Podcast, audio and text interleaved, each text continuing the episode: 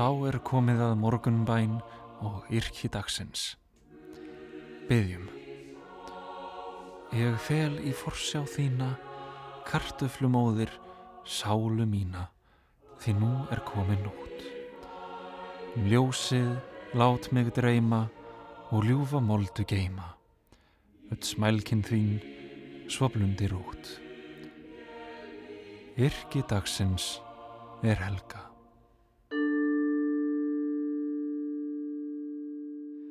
Komiði sæl, kæri hlustendur. Nú verður farið yfir dagskrá Rásar 1 fyrir daginn í dag. Hér á undan heyrðum við morgunbæn og yrki dagsins. Nú stendur yfir þessi dagskrárliður en eftir hann á heila tíman fáum við að heyra sögu af karteblubundanum Helgu Gísladóttur í þættinum í ljósi flögunar í umsjá Spíru Gullegadóttur. Næst stingur Halldór Eldjarn á yrkjum samtímans í þættinum heims spýrum. Þátturinn út með það í umsjón Gullaugar M. Hýðistóttur hefst þegar þrjár mínútur eru gengnar. Þegar klukkuna vantar korter hefst bein útsending frá afhendingaratöfn í atvinnuvega og nýsköpunaráðuneyturu þar sem Kristán Þór Júliusson, sjávarútvegs og landbúnaðaráðherra, tekur á móti málverki verið þið sæl.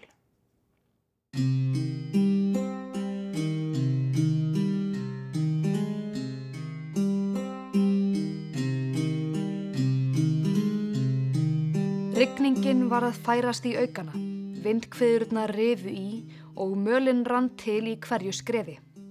Í grítri fjálslið djúft inn í dal klöngrast stúlka. Hún er klætt pilsi úr grófri ull Á fótunum klæðist hún ullarsokkum og þunnum söðskinskóm og á bakinu ber hún léttan bakboka. Stúlkan stefnir innbeitt að kletta sillu í fjarska. Útundan sér heyrir hún ógreinlegt jarm og kemur loks auga á kindina þar sem hún situr först í sjálfheldu. Þótt stúlkan sé ekki nema 13 ára gömul er hún sterk byggð og stýgur öruglega til jarðar í hverju skrefi. Enda hefur hún klöngrast í þessum hlýðum við smalamennsku frá því að hún mann eftir sér. En í árferði sem þessu dugir örug fótfestan ekki til. Haustleysingar þennan hlýja septembermánuð rinda af stað skriðu sem grýpur stúlkuna með sér. Hún kút veltist niður brekkuna og skorðast loks með hægri fótinn undir stórum steinhnullungi. Þar þarf hún að húka klukkustundum saman á meðan hún býður eftir því að vera fundin af vinnuveitenda sínum. Þegar hún er loks færðundir læknishendur, kemur á daginn að eitthvað hefur sprungið alvarlega inn í hnénu. Þessi örlaga ríki dagur við smala mennsku markar byrjun á þrautargöngu merkrar konu og var eftir vill fræið af æfistarfi sem hún hlaut aldrei tilskilda viðurkenningu fyrir í lifanda lífi.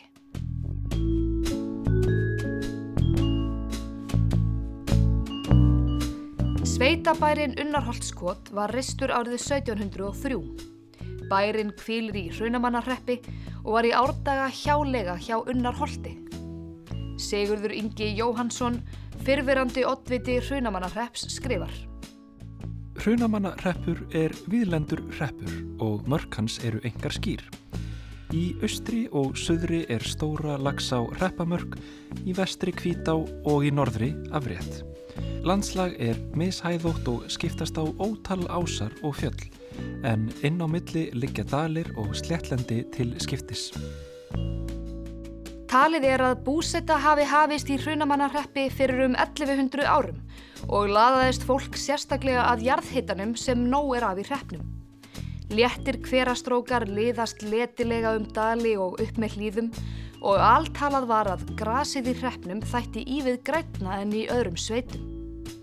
Meðal þeirra sem ólust upp í hrunamannarreppi má nefna góðsaknakendu personuna og útlagan Fjalla Eyvind sem fættist á bænum Hlýð og þótti að sögn góður sundmaður og afarfæri í handarlöpi. Þó að Fjalla Eyvindur sjálfur komi að vísu ekki frekar við sögu hér, þá gerir það aftur á móti nafni hans af kartöblukinni en meira um það síðar. Við byrjun 20. aldar var svo kvöð enn við líði á Íslandi að allt jarnæðislaust fólk skildi bundið vinnumennsku. Ef Karl og kona réðu ekki eigin búi, urðu þau að vera vinnuhjú á heimili bónda og eiga þar greið.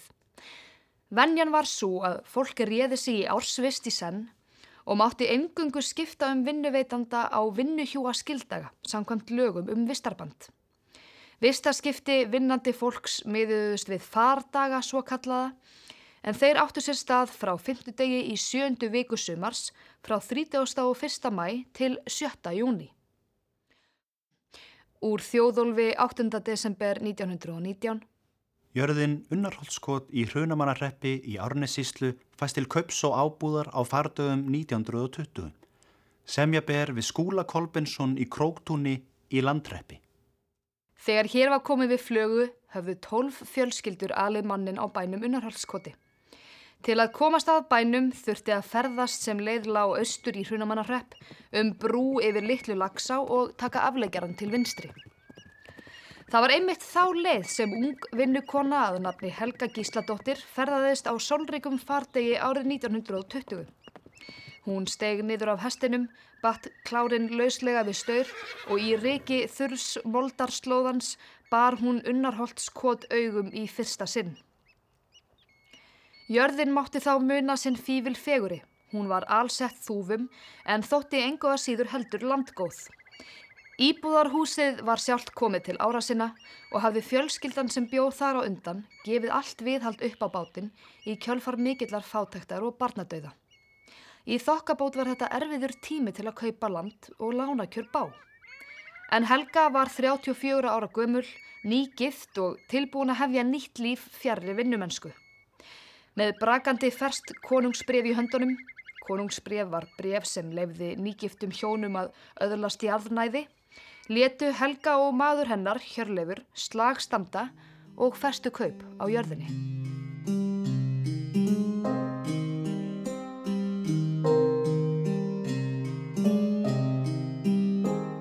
Engin ræktun hafði fram að þessu átt sér stað á landinu, þrátt fyrir jarðhitan og moldina góðu. Raunar voru fáir á þessum tíma í sveitinni í kring sem lögðu stund á slíka yðju. Fólk taldi það sérvisku að eigða tíma og peningum í græmetisræktun í stað þessa að nýta tónin undir búfjanað.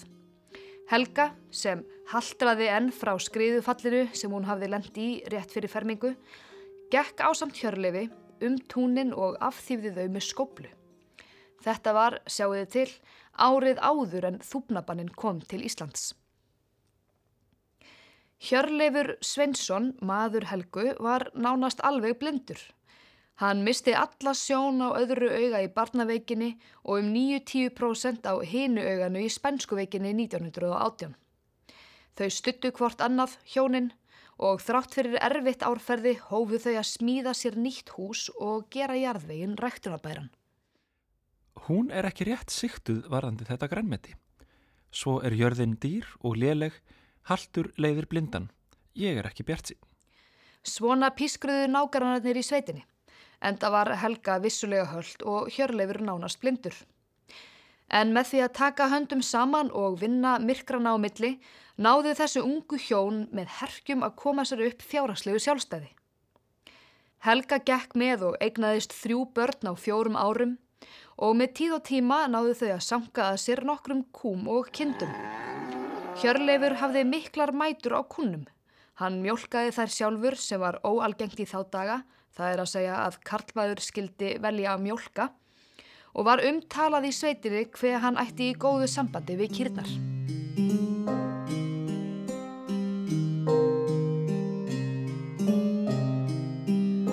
Árið 1929 dundi yfir alheimskreppa og þá þyngdist hjónunum róðurinn með verðfalli á afurðum, skömmtunum og fleiri tilherrandi takmörkunum. Þá voru góð ráð dýr Búskapurinn einn og sér dugði ekki til lengur, Helga varð að finna aðra leið til að drýja tekjurnar. Í kjölfar veikinda sinna hafði Helga alltaf haft mikinn áhuga á heilbriðu líferni. Hún hafði kynnt sér næringarfræði í eitt skipti þegar hún komst í bókaskap inni á heimili á Rauðarástík þar sem hún starfaði sem vinnukona um skeið. þá hafði hún í kjölfar stungi niður allskynns grænmeti þegar hún loks egnaði sína eigin jörð. Svo að þegar hart leki í ári tók Helga það til bræðs að sinna grænmetisrækturinni af heilum hug. Hún stakk niður fleiri rófum, næpum og síðast en ekki síst, kartöblum. Hún byrjaði á því að auka við tegundirnar gullaugu og eyvind. Rækturinn gekk vel og sala kartablana fleitti fjölskyldunni yfir erfiðustu ár kreppunar. Eftir kreppuna hjælt Helga áfram að rækta kartöblunar og fór smám saman að öðlast sess sem rómaður kartöblubóndi í sveitinni. Árið 1939 gekk hlýskeið yfir sveitina og þá gerðist það að milli tveggja rafa af gullaugum og eyvindi spratt upp harla óvenjuleg kartebla. Úr dagbók 1939 Hún er gulað utan með djúpum augum eins og gullega en þegar maður sker hana í tvent þá eru rauðar rendur innan í henni. og Helga tekur þessa kartöflu til hliðar. Hún geymir hana í kaldri, dimmri geimslu og leifir henni að spýra yfir veturinn og stingur henni síðan niður næsta vor. Á næstu missurum ræktar Helga upp sitt eigið einstaka yrki af kartöflum. Og viti menn, jú, er svona rók seljast. Um 20 árum síðar, nánar tiltekið árið 1959, sitja þau hjörleifur saman inni í Sefnherbergi að Unnarholtskoti. Helga með annan fótinn upp á rúmi og leifir bolgunni að líða úr eftir erfiðan vinnudag. Hjörleifur að þæfa sjóvætlinga með tánum. Þá hóar Helga í valgerði dóttur sína og byður hana um að fara söður og aðtúa hvort ekki sé hægt að fá kartöfluyrkið einstaka úrskurðað í gæðaflokk. Aðeins tvær tegundir töldust til úrvalskartöfluna í gæðaflokki á Íslandi á þessum tíma. Það voru gullaugu og ólafsrauðar. Framleiðendur fengu 20% herraverð fyrir þær kartöflur sem töldust til úrvalsflokks og þótti það hinn mesti heiður fyrir kartöflubændur í þá daga og gerir enn. Valgerður fer með póka af kartöflum móður sinnar til formanns grænmetisverslunar ríkisins Jóhans frá Öksnei og hann sendi þær í það sem talið er fyrsta skeinmat á kartöflum á Íslandi. Þar sem metið er bragð, áferð, litur og lykt. Úr skýrslu Jóhans frá Öksnei árið 1959 Úrvalskartöflur eiga að vera að öllu án smælkis, sama tegund í póka hverjum, óskattaðar og sem sagt að öllu leiti óaðfinnanlegar. og kartöflunar eru úrskurðaðar þær lang bestu. Jóhann frá Öksnei spyr valgerði hvað tegundin skuli heita en það sé um að ræða tegund sem aldrei fyrr hafi sérst spretta úr íslenskri mold. Valgerður svarar umsögulöst Helgur. Helgur eftir móður minni Helgu Gísladóttur frá Unnarholtskoti. Árin líða og Helgu yrkið öðlast sess sem eftirlætis karteblur margra landsmanna. En með gangi tímans þá virðist vera að upprunni yrkisins hafi fallið í gleimskunar dá. Þrátt fyrir þá mætu viðurkenningu að vera ræktandi úrvalskartöfluna í gæðaflokki hefur Helga Gísladóttir oftar en ekki verið rángnemt í námskögnum og sögubókum sem Helga nokkur Filipusdóttir. Og þá sögð hafa búið á bænum Unnar Holti en ekki Unnar Holts koti. Og það er alveg ótrúlega leiðinlegt. Og al rángar heimildir.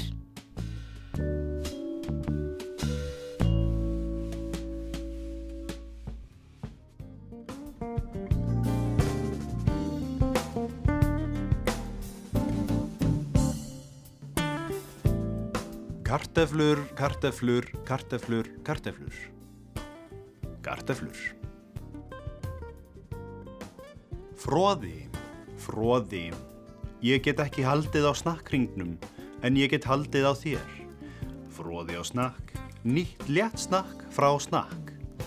Veljum íslenskt. Tilbóð franskar, tilbóð franskar, bara í þennan eina dag. Þykva bæjar.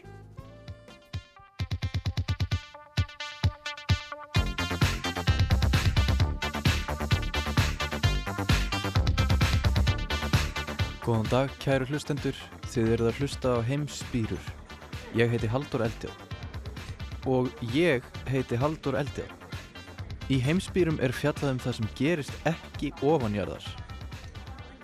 Já, kæru hlustendur, þið eru farin að kannast við kliðin hér á bakvið okkur. En hér eru við Haldur samankomnir á kaffehúsi vegna sóttvarnarregluna í efstaleitinu. En í dag ætlum við að fjallum mál sem hefur komist í hámæli hér á Íslandi síðustu vikur í kjölfar kartöbluvikunar á vísindavefnum. En það er ekki bara kartöbluvika, er það Haldur? Ein mitt Haldur. Það er nefnilega líka snakkvika. En það kemur þessum þætti ekki við. Ein mitt Haldur.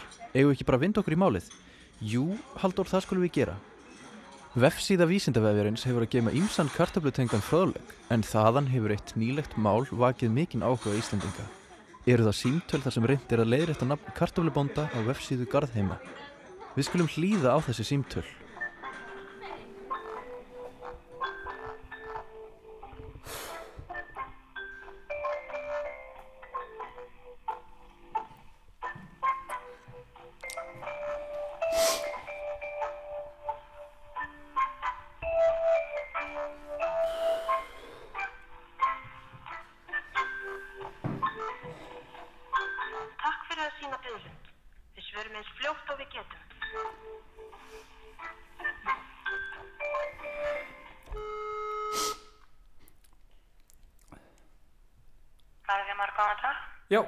Góðan daginn, ég heiti Arnar. Þarna, er, er þið vörum á, á, á heimasíðu ykkar, hérna, garðheimar.is, þá, þá, þá, stendur hérna að, að, ræktandi helgunar, hérna, kartöflu afbreyðsins, Hel, Helga Gísladóttir, hún, hún er skráð sem Helga Filipusdóttir. Já, Um, en, en, en, en hún heitir sko Helga Gísladóttir og hérna, uh, ég var að pæla hvort þið getur lagað það. Er, ég skal bara beða manneskina sem sér um þetta ok, að gera það. Ok. Ísladóttir. Já, já, takk. Þa, já, hann, hann skrifar þetta hérna, hann, uh, hann, hann uh, Magnús, Magnús Jónasson, uh, skrúðgarðafræðingur, hérna. Og, og, já, og, og fyr- fyrirgeðu, ég er í smá tilfinningarlegu uppnámi og þetta hefur ekkert með þig að gera, bara, örgulega, eindælis manneskja, sko, hérna. Já, ég læt bara vita þessu. Já, ok, og já, Já. Og, og svo er eitt líka í viðbót bara, að, hún átti heima á Unnarholtskoti en ekki Unnarsholti. Ef þá getur leiðrétt það líka kannski, það væri, þá var þetta bara harrétt sko, þetta er búið að standa, standa bara rangt núna í, í 60 ár sko, í sögubókunum sko. Já. Já, Ég, ég læt hann að vita þessu sem sér um ok, ok, takk, takk æðislega, Já. ok, Bless. takk, bless, bless. En þrátt fyrir þetta símtal Arnars Geirs þá var upplýsingunum á vefsíðunni ekki breytt. Í kjölfarið reyndu aðrir starfsmenn að leiðrétta upplýsingarnar með litlum árangri. Já, góðan daginn. Ír heiti ég og ég er að ringja fyrir hönd e, vinar minn sem hringdi til ykkar í sumar varðandi villu sem er á heimasíðun ykkar. Hvað, hversu, ég náðu ekki alveg hvað það er. Það er, hann, e, vinur minn hringdi í sumar til að leiðrétta hérna, það er villa á heimasíðun ykkar. Varðandi Helgu Gísladóttir sem að ræktaði hérna kartöflurkið Helga. Hún er nefnd Helga Filipusdóttir á heimasíðun ykkar, en hún hétt Helga Gísladóttir. ok, hvar er þetta á Seyrisveru? Þetta er undir fræðsla, garðnördin,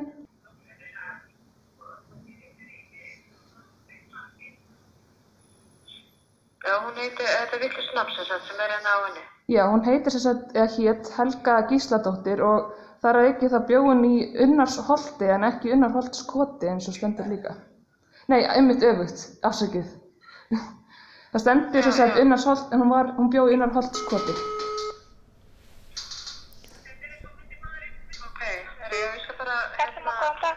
Góðan daginn. Uh, ég heiti Hallveig og ég er að ringja fyrir hönd Írar vinkonum minnar sem ringdi fyrir svona tveimur vikum. Í. Um, það er hérna staðrendarvilla á heimasíðun ykkar sem að við vorum að spá hvort það væri hægt að leiðrétta. já, maður sjá, uh, það sem að sér um vefin er, uh, hún, það væri það bara best að senda ábendinguna á garðheimar.is. Ok, Ef þið getið tekið screenshot af því líka. já, yes, við getum bara gert það. Já, frábært. Takk kærlega fyrir. Já, Já, bless. Bless. Tölvupósturinn var sendur á vefstjóran en allt kom fyrir ekki.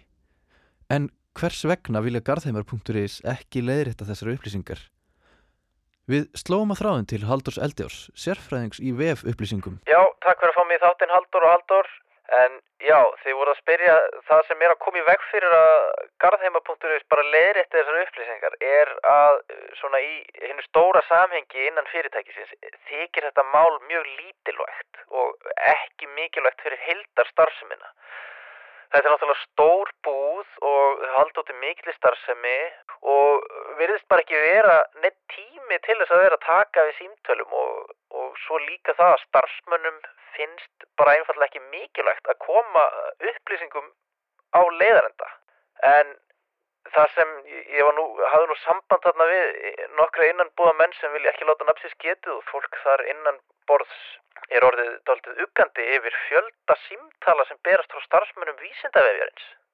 Já, það var akkurat það. Takk fyrir þetta, Haldur. En við segjum þessu nú lokið hér frá heimsbyrjum í dag. Þáttinn má finna á öllum helstu hráveruveitum sem og á vef okkar rót.is. Verðið sæl.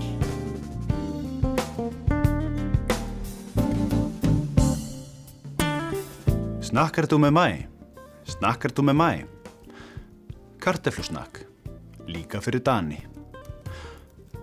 Klæjar því í augun? Ertu kannski með karteflukláða? Notaðu nýja karteflukláðastillandi smyrslið frá Pfizer og Johnson. Vá, mig klæjar bara ekki neitt lengur. Takk. Vegandagar í varmalíð. Stútfull kör af sperlum í vatni. Lúkufyllir á aðeins 50 krónur.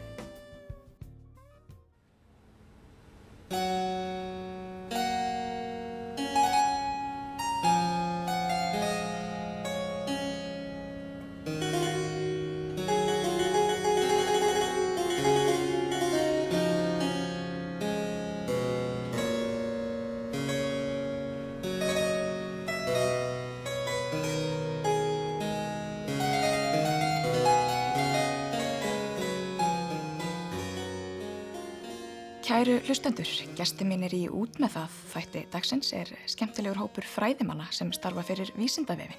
Þau Byrnir Jón, Hallveig Kristín, Arnar Geir og Ír.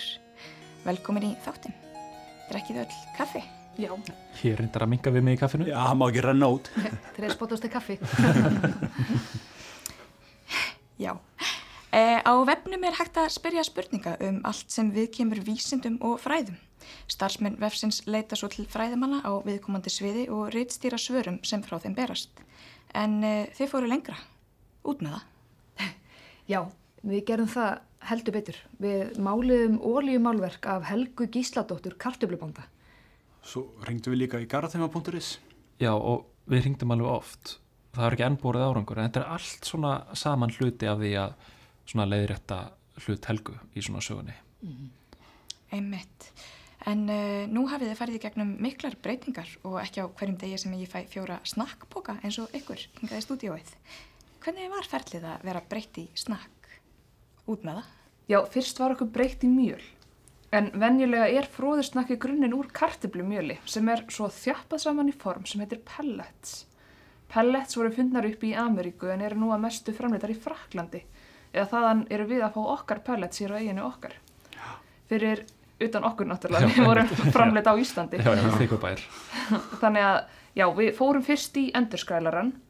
Við náttúrulega vissum ekkert hvað myndi gerast, svo þetta var alveg mjög stressandi. Já, ég man sko, þegar ég sá endurskræðan fyrst, þá öskraði ég bara. Ég held að ég var að fara að deyja. Já, ég fekk þvag fyrir hjarta, sko. Einmitt. En svo var þetta ekkert eins ræðilegt og maður myndi halda. Það var svona meira eins og að fara í einhvers konar saltbað, uh, svona, með svona mjög grófum saltflugum sem bæði skrapa mann og kýtla á sama tíma, eitthvað, veit já, ég hvað meina. svona kósisturta. Já, En eftir að við komum úr endurskrælaranum, þá tóku vindmiljunar við okkur sem myldi okkur niður í agnar smátt duft og þar urðu við að fínu mjöli. Einmitt, sko, það var þá sem ég dró augað í pung. Já, ég, ég skinjaði ekki hvar ég byrjaði eða, eða, eða hvar ég endaði. Þetta, minna, það, það var ekkert ég lengur. Ég, ég var bara út um allt. og næst var okkur þjappað í flöguform eða pelletsið og það er nefnilega áhugavert að framlegslu ferlið á pellets svipar mjög til þess hvernig pasta er búið til. Þess vegna er fróðusnakk svona oft í læginu eins og pasta. Eins og við þekkjum til dæmis úr partymixinu. Það sem er penne, fusíliskrúur, ditalóniringir og kannelóni franskar. Og svo eru bugðupelletin ekki ósipur niðurbútið lasagnaplötum. Þannig að þarna vorum við komin í það form, einhvern veginn, í þetta þjætta form. Já, þetta, þetta var svona eins og, eins og maður var að sjá sig í speikli og, og, og, og, og maður sá loksins vini sinna í, í kringus eins og, já, eins og þau eru. Svona, svona þeirra inn, innra form. Skilur, þú veist, ringur, skrúfa, hólnúðla, þú veist, hver ert? Ég er bugða, en þetta- var svona svo að horfa í, í speil og sjá sig fyrir það sem maður er, en, en, en ekki það sem maður, ekki það sem maður vill verða, endilega. Einmitt. Algjörlega, sko. Og síðan vorum við náttúrulega ekkert svoðin. Þú ert ekki að tala við neitt offsóðið pasta hérna í stúdíun í dag. Næst var það nefnilega djúbstekkingin. Við vorum djúbstekt í svona mjög tíu sekundur og þöndumst þar út og stækkuðum um fimmfalt í rúmmáli að lofti einu saman. Og þá vorum við komin í okkar rétta form. Það form sem við þekkjum okkur Einmitt, í. einmitt, og ég, sko, ég man hvað ég var ótrúlega, þú veist, móttækilegur fyrir þessum breytingum og þú veist, og ég hugsaði, já, nú væri ég bara að treysta og sem bara kom maður út úr ferlinu og var bara ótrúlega stökkur, sko. Það var svo gott að finna fyrir bara þessu trösti, sko. Já, Finna að það borgar sér tröstið, sko. En þá áttu við ennþá eftir mikilvægasta hluta framleysluferðlisins og í raun endur fæðingar því það var komið að kryddskíinu í tromlunni. en kryddskí myndast þegar tromla feikir kryddi í svona jafn þygt skí og þetta var kryddi frá köllu kryddversmiðu. Ég get alveg viðkenda þegar ég sá tromluna var mér smá bugðið. Já, ég draf ósjálfar titlinga. Og eftir kryddskíið var það kælibandið sem lá upp svona 2-3 metra. En þegar maður er búin að breyta svona um form þá eru 2-3 metrar ekkert að sama og áður. Algjörlega. Þetta var eins og að fara í fjallakláf til tunglsins og þarna horfðum við saman á heiminn frá öðrum stað úr geimnum. Og þar enduðum við í póka og lendum aftur á jörðinni. Já. Ég man sko að þegar við sáum hvort annað almennilega í fyrsta skipti eftir þetta ferli að þá gat enginn sagt neitt. Við bara, við bara brostum. Já, maður kom ekki upp stökku orði. Byrnir, ég horfði á þig, manstu, og, Einmitt. og við fórum báðir að, að skræla. Já. Já, þegar maður er búin að deila einhverju svona djúpu saman, það er alveg bara ekki til en orð yfir það. Allavega ekki svona fyrstum sinn. Algjörlega. sko. Jáhá, og uh, hvað er ykkar næsta verkefni fyrir vefin? Jú, það er með það sem okkur langaði að segja frá. Sessat um nónbil í dag mun fara fram afhendingaratöfn á málverkinu af Helgu Gísldóttur í landbúnaða ráðunetinu sem, þetta er sko málverki sem Hallveig er búin að vera að mála.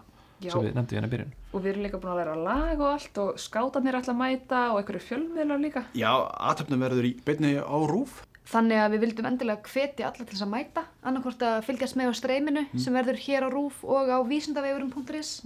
Já, eða bara mæta á staðin. Já. Ráðunetinu. Já. Algjörlega. Endilega. Það verður spennandi að fylgjast með þessu. Ykkur kærlega fyrir komuna, Hallveig, Ír, Byrnir og Arnar. Já, snakk fyrir okkur. Snakk,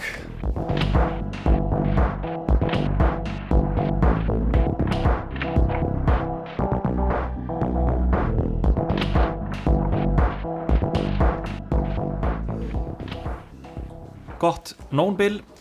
Nú er afhendingarháttíðin við það að hefjast á skrifstofu sjávar og landbúnaðarráðunetisins á skúlagötu fjögur. Halldór Eldjár, tónlistarmaður, kynir í dagskráratriðin og, jú, og nú gefum við honum orðið. Gott bil og gleðilega hátíð. Hér á skrifstofu sjávarútvegs og landbúnaðar hluta atvinnuvega og nýsköpunaráðuneytisins á skúlagötu fjögur er samankomin mikill mannfjöldi innan marka samkomu takmarkana. En Kristán Þór Júliusson, sjávarútvegs og landbúnaðaráðherra er í þessum töluð orðum að ganga inn í hús til þess að vera viðstattur þessa afhendingar aðhöfn.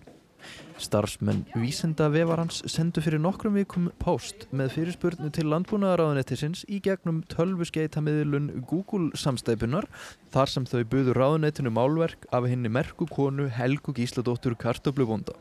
Þá mun Kristán Þór tala af hálfu landbúnaðaráðunettisins og í kjölfarið flytur Hallveg Kristín Eiríksdóttir ávarp af hálfu vísundavefsins. Í kjölfarið verður hulunni svift af málverkinu og það formlega afhend ráðuneytinu undir leik lúðradúetsins I Found a Friend sem frumflitja nýja útsetningu af byðtóni garðheima.is. Nú tekur Kristán Þór við orðinu. Reyndar að veriðist sem Kristán sé ekki mættur á svæðið heldur hefur hann áframsend þessum tölvupósti á okkur Takk fyrir bóðið, mér er mikill heiður síndur með að vera hér. Ég ætla bara að hafa þetta stutt. Tilvísun í mál ANR 1910-054 Sæl Hallveig. Ráðuneytið þakkar fyrir erindið og bóðum portrætt af Helgu Gísladóttur Kartöflu Bónda. Ráðuneytið þykkur gjarnan bóðið og myndi verkið hanga í matvæla og landbúnaðar hluta ráðuneytisins. Ekki er víst að ráðherra sjáu sér fært að mæta á afhendinguna í dag. En ef til vill getur skrifstofustjóri tekið á móti verkinu hér í ráðunætinu. Með góðri kveðju ása skrifstofustjóri.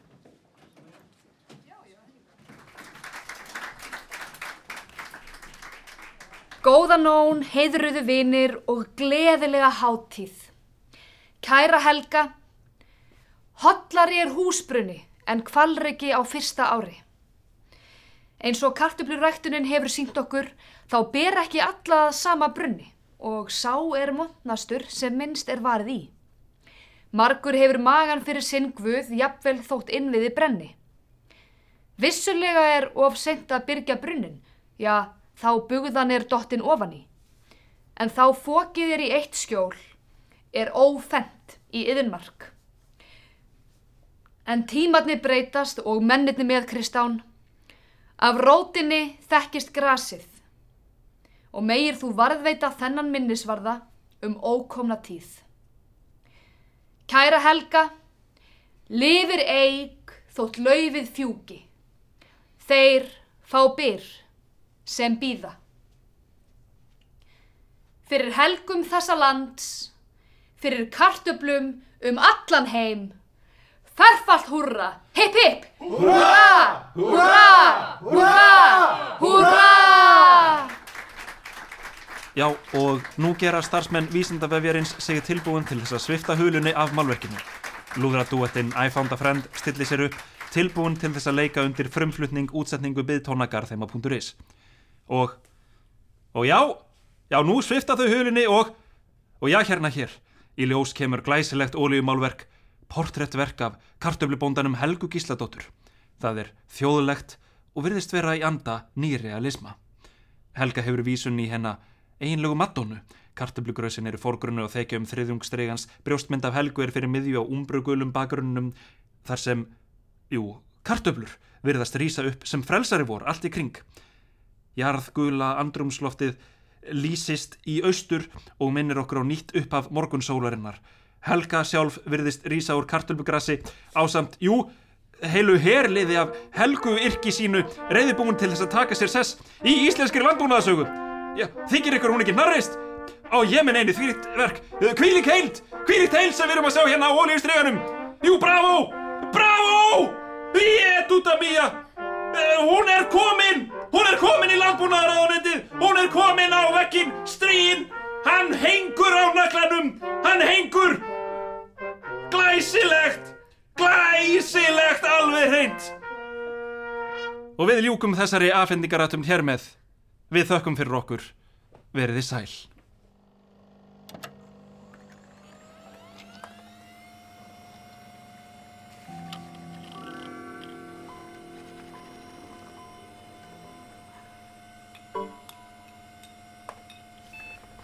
Oh, gott að vera komin aftur á skrifstofuna.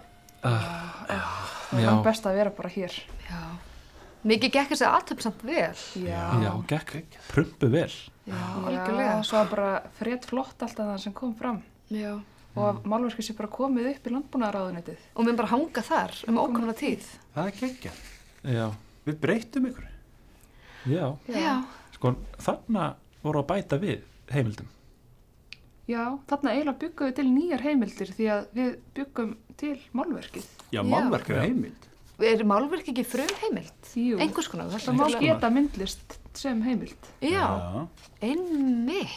Það var eitthvað svona listrannsókn. Ha, Já, okkur. já. Já. Ah, æðislegt. En er eitthvað á döfunni hjá ykkur? Já, ég ætla að fá mér keilur í skotti sem lætur pungin hristast eins og hala á skröldanum. Við heyrði, það er eitthvað ókunnugt númer að ringa í mig. Já. Hvað er ég að gera? Þú Svara. verður að svara. Svaraðu bara. Nei, ég, ég, ég get ekki svara. þig, Hei, mynda kynna þig. þú ert sjálfstæðið maður með sterkara. Getur Gerðu þetta Þú bara. getur þetta. Ok, ég. Maður. ég svara. Er ég búin að býða ólengi með að svara? Nei, ég oh my svara, ég svara, ég svara. Jóhanna? Já, góðan daginn. Birnir heiti ég. Það var verið að ringja í mig úr þessu númeri. Já, þú, já, þú komst hérna með aðtöðsend, ég er að ringja hérna frá garðheimum. Já, Uh, hérna við Helgu Filippustóttir. já. Var þetta hérna karteblútsæði sem hún sást þetta? Já, þetta er kartöfli yrkið. Já, já, já. Ég nefnilega sá hverki Gísladóttir. Nei, hún, hún heitir Helga Gísladóttir en það er skrifað Helga Filipusdóttir. Já, ok, ok.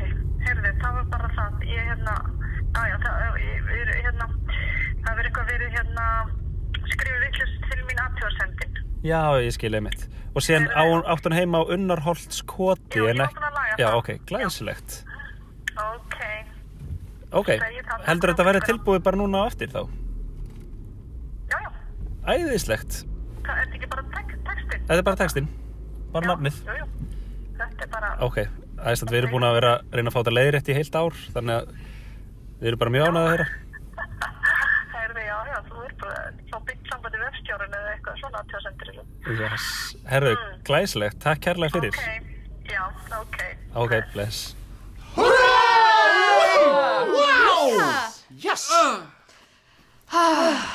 Jæja, brúðuna mínar. Þetta var nú aldeiris afkasta mikil vinnuvika. Ég er hálf klökkur bara.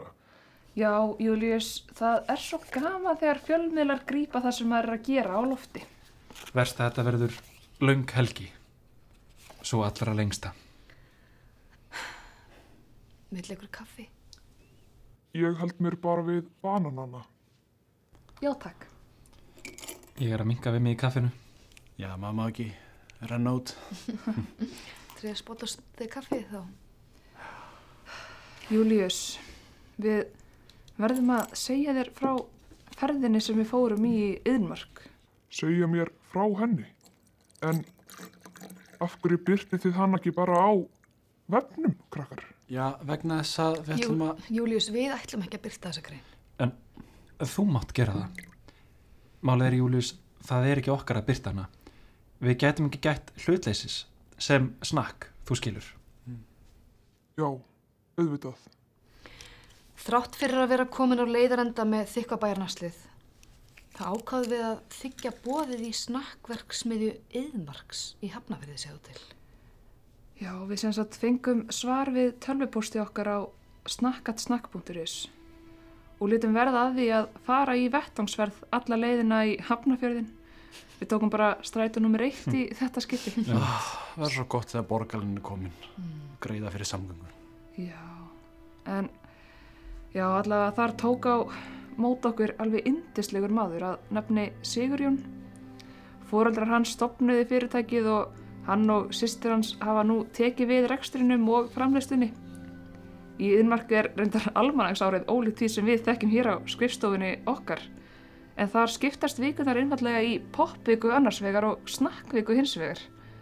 Í popviku er framleitt pop og í snakkviku er það snakk. Og nú er snakkvika og við fengum að kynnast framleysluferðinu eins og það fyrir fram þarna í hafnafyrði. Sigurjón klæðir okkur í litla sloppa í snakkpókastærð, setur á okkur derhúfur og, og leiðir okkur í gegnum fjöllin öll af kössum, stútfullum af dýrindir snakki og stjörnu poppi. Hann leiðir okkur svo að brúnum kassa og sýnir okkur pellets sem framleitt er úr kartiblumjöli. Við náttúrulega þekkjum svona ferli persónulega og því kom fátt á óvart í framlýsluferlinu. Það tókur litið á fyrir okkur að sjá ferlið og því bauð Sigurjón okkur að fá okkur sæti upp á kaffistofu fyrirtækisins eftir verksmiðuferðina. Hann gaf okkur mjölkurglas og teppi og sínd okkur litla úrklippubók þar sem við skoðum ymsa skemmtilegar greinar og myndir úr sögu fyrirtækisins. Þarna fjallaðum alls konar snakk sem hætt hafði framleiðslu eins og dillsnakk, pizzasnakk og jalapeno-snakk. Svo baðan Artar sem satt næstur korktöflunni sem hekk undir klukkunni á innstavegg kaffistofunar um að sækja útprentaðan miða af tölvupósti sem hafði borist fyrirtækinu. Ha, ég? Já, ég, ég, ég skal tegja mig hann. Og Arnar las fyrir okkur tölvupóstin. Greetings from Toronto, Canada. Kveðja frá Toronto, Canada. Þetta er besta snarl allra tíma. Við borðum það meðan við vorum á Íslandi í útilegun okkar í sumar og komum með nokkra póka aftur heim til Kanada. Við kláruðum síðasta pókan, sem tók ekki langan tíma. Það var ómögulegt að borða þetta snarl hægt. Og við erum sorgmætt. Er dreifingaræðili þessarar vöru í Kanada? Getum við panta þetta snarl og fengið það sendt hingað? Vinsalegast hjálpið.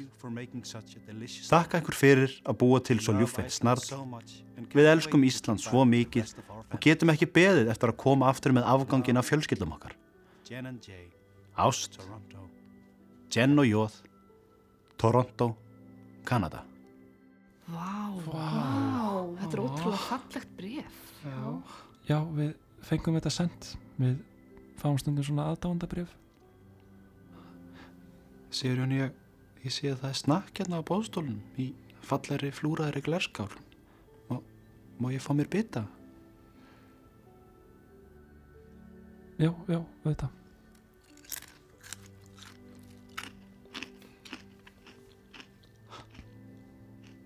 Krakkar, eru þið búin að smakka þetta snakk eða? Býttu, Þetta minnir á. þetta bragðast alveg eins og... Og við? Þetta er alveg eins og við. Já, nú drep ég tillinga. En, Hæ? en, hvernig byrjuðu beikonbitarnir? Eru þeir búin að vera alltaf? Já. Já. Og svo reyndar þegar þykvað það hætti þá hérna kiptu við krytti sem þið nótuð. Úr beikonbíðunum?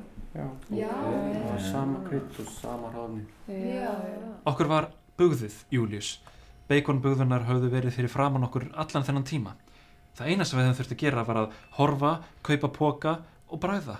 Július, við munum renna út. Við erum snakk. Líftíma okkar er ekki eins og annara manneskja eða apa eins og þín. Hvað eru við að plata okkur, Július? Við erum ekki að fara að vinna hér á vísindavefnu miklu lengur. Þrátt fyrir það, þá getum við enn glatt fólk. Július, við viljum að þú sendir okkur til Kanada. Mm. Það sem fólk kann að meta það sem við erum. Þar verðum við snætt áður en við rennum út af einhverju sem þráur okkur. Július, hér er, hér er pappakassi með póstmerkingu. Við stökkum ofan í, komum nú. Verður sæll, Július. Verður sæll. Starfsemi vísindavefsins mun aldrei verða söm. Þið synduð starfi ykkar ágætlega. Þetta nægir pókar. Þetta nægir. Orri. Arnar, Birnir, Hallveig og Ír. 1658. Út. Starfsmenn vísindavefsins, vinir mínir, 1658, yfir og út.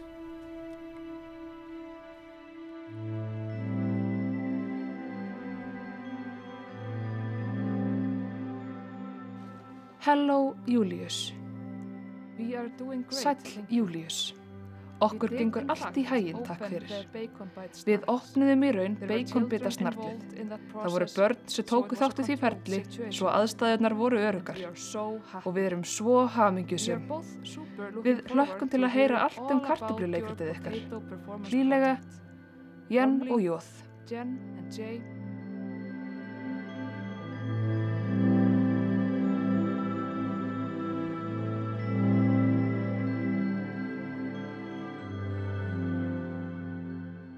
Leikrattir Arnar Geir Gustafsson sem Arnar og auglýsinga þulur. Byrnir Jón Sigurðsson sem Byrnir, Sjera og fréttamaður á vettvangi. Fannei Benjaminsdóttir sem Gullega M. Hýðisdóttir. Hallveig Kristín Eiriksdóttir sem Hallveig og Spýra Gullegadóttir. Haldór Eldjórn sem Haldór, Haldór, Haldór og Ræðumadur. Ír Jóhannsdóttir sem Ír, Július Abi og útarpsþula. Viðmælendur starfsfólk Garðheima. Sigur Jón framleiðslustjóri Yðinmark EHF. Hljóðmynd Haldór Eldjórn. Hljóðblöndun Gísli Kristjánsson, handrit CGFC. Framleitt fyrir útarpsleikus Ríkisútvarps allra landsmanna 2021.